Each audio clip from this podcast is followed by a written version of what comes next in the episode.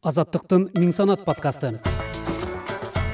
Маданият коомдун күзгүсү жана андагы адамдардын руханий көпүрөсү прогресске жетелеген күч. Дүйнөдөгү жана мекениңиздеги маданий жаңылыктардан артта калбаңыз. Миң санатта сизге театр кино адабият музыка билим берүү жана маданий турмуштагы жаңылыктарды айтып беребиз таланттар менен баарлашабыз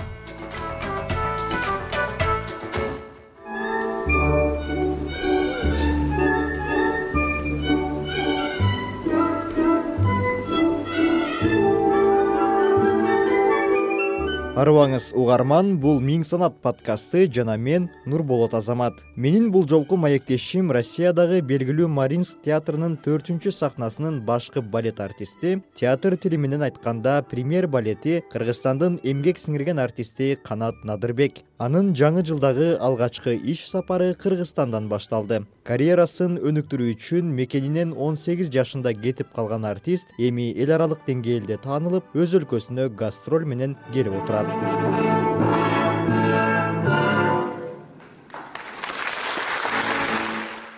Миякта билесиңер айлык аябай аз театрдын системасы министерствонун системасы аябай азыр башаламан болуп атат да. Бир артист аны көрүп ойлойт да мен азыр он сегиз жаштамын беш жыл иштейт он жыл иштегенден кийин ушундай боюнча система кала берсе мияктан ни на квартиру ни на машину ни статус себе не сделают деле көбүнчөсүн баары эле кетип калышат да. Тияктан аны көрүп мен өлкөнү көрүп келем акча таап келем деп бүт баары ошол максаттан эле кетип атышат да меники деле ошондой болгон болчу да. Контракт поступил. Россиядан. Приглашаем ушундай ушундай жумушка сразу на ведущего солиста деп. Приходит контракт уже полностью расписанный.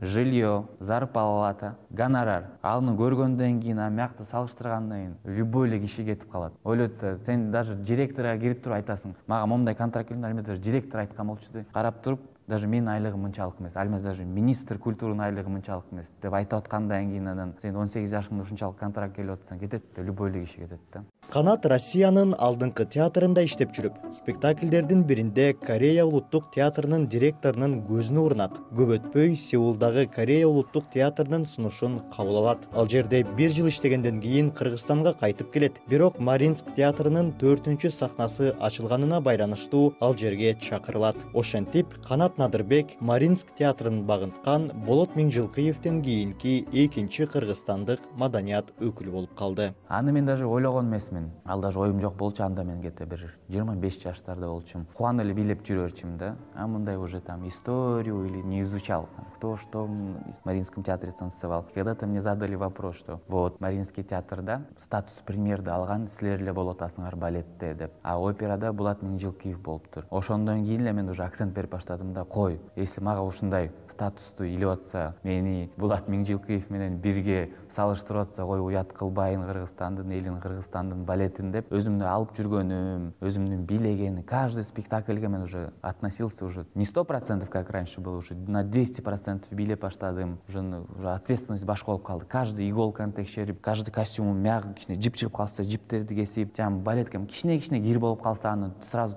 жууп тазалап уже кой мени элдин баары карап атат деп уже өзүңдү кармап калат экенсиң да. Отуз эки жаштагы канат надырбек өзүнүн театрдагы карьерасында классикалык багыттан заманбап багытка чейинки баардык деңгээлдеги бийлерди аткарды. Канат балет дүйнөсүнө тогуз жашында аралашкан. Анын бул өнөргө шыктуу экенин тайэкеси белгилүү балет артисти чолпонбек базарбаев биринчи байкаган. Биз конокко барганбыз байкемдин үйүнө чолпонбек базарбаев народный артист советского союза ошонун үйүнө конокко барганда отуруп калганда сүйлөшүп балаңарды каяка бердиңер? деп сураганда атам айткан болчу ошо мектеп таппай жүрөбүз. Дегенде мени карап туруп шпагатка отурганды билесиңби деп ал убакта мен аябай джеки чанды ван дамды көрүп каратеге барчумун шпагат баарын билчүмүн отурганда эле ошондо эле сразу айткан болчу. Бүттү балетке барасың деп. Анда мен балет деген нерсени вообще билчү эмесмин да. Тогуз жашымда болуп балетке бардык сразу алды мени ошол жерден окуп калдым. Башында кыйналдым аябай кыйналдым түшүнчү эмесмин. Эмне кылып атканымды максатым кайсыл? Кийин эмне болуп кетет деп. А балетти түшүнүп баштаганым где то бир он үч жашымда уже кичине кичине түшүнүп баштадым. Балеттин максатын балет деген искусствону уже билип билип андан кийин уже курстарда уже полностью фанатеть этип калдым да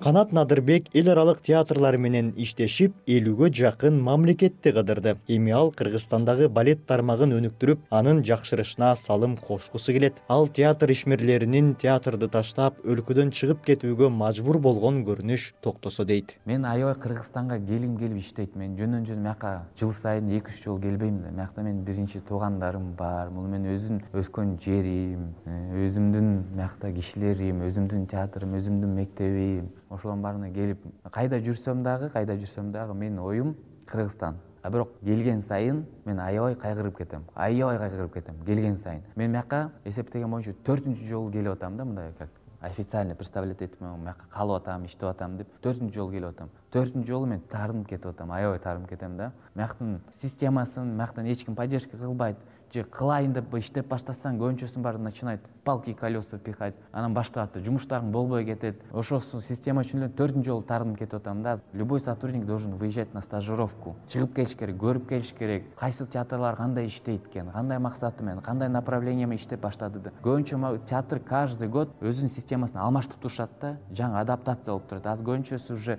электронный формат коюп баштады. Мурдакындай уже там по улицам ходить там фраера там раздавать чтобы там зрители пришли на спектакль нет уже өсүп атат театр өсүп атат система өсүп атат элдер өсүп атат ошого уже балет дагы адаптация болуш керек да. Тет илгерки эле советский учурда кала бербеш керек адаптация болуш керек. Театрды өзгөртүүнү каалаган канат надырбек кыргызстандын опера жана балет театры менен байланышын үзбөй. Жылына бир канча жолу ар кандай долбоорлор менен келип чет элдик артисттерди чакырып турат. Бул жолку сапарында ал россиянын эмгек сиңирген артисти ксения овчинникованы жизель спектакль үчүн чакырды мне очень хочется и я рада тому что я могу поделиться с мен мага тааныш өзүм тааныган жердеги көрүүчүлөргө гана эмес алыстагы күйөрмандарга да өз өнөрүмдү көрсөтүп жатканыма кубанып турам. Кыргызстанга биринчи жолу келишим канаттын мени чакырганына абдан сүйүндүм. Бул мен үчүн кызыктуу тажрыйба. Канат менен да биринчи ирет жүзмө жүз көрүшүп дароо эле сахнага чыктык. Түшүнүктүү мыкты өнөктөш экен. Эки солисттин бири бири менен тил табыша алышы абдан маанилүү. Артист катары да мыкты экен. Анын буга чейинки бийлерин бир аз көргөнгө жетиштим. Ал чыныгы элдин сүймөнчүгү экен. Эгер мен көрүүчү болсом сөзсүз анын күйөрманы болмокмун. Я была бы точно его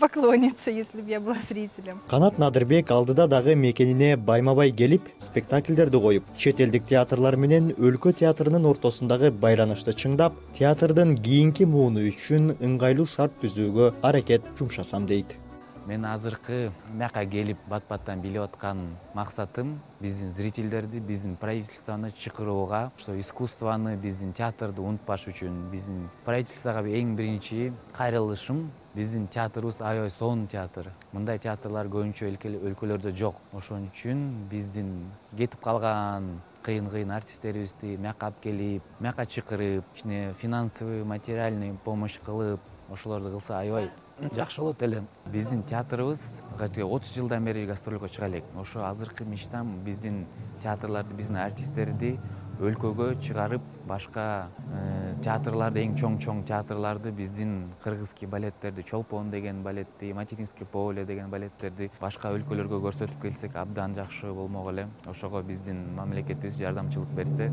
эң кубанычтуу эң максатым ошол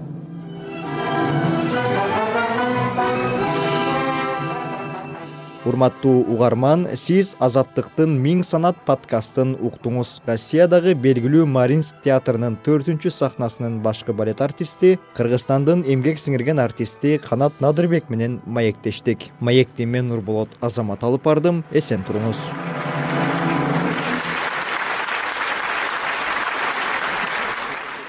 Азаттыктын миң санат подкасты маданият коомдун күзгүсү жана андагы адамдардын руханий көпүрөсү прогресске жетелеген күч. Дүйнөдөгү жана мекениңиздеги маданий жаңылыктардан артта калбаңыз.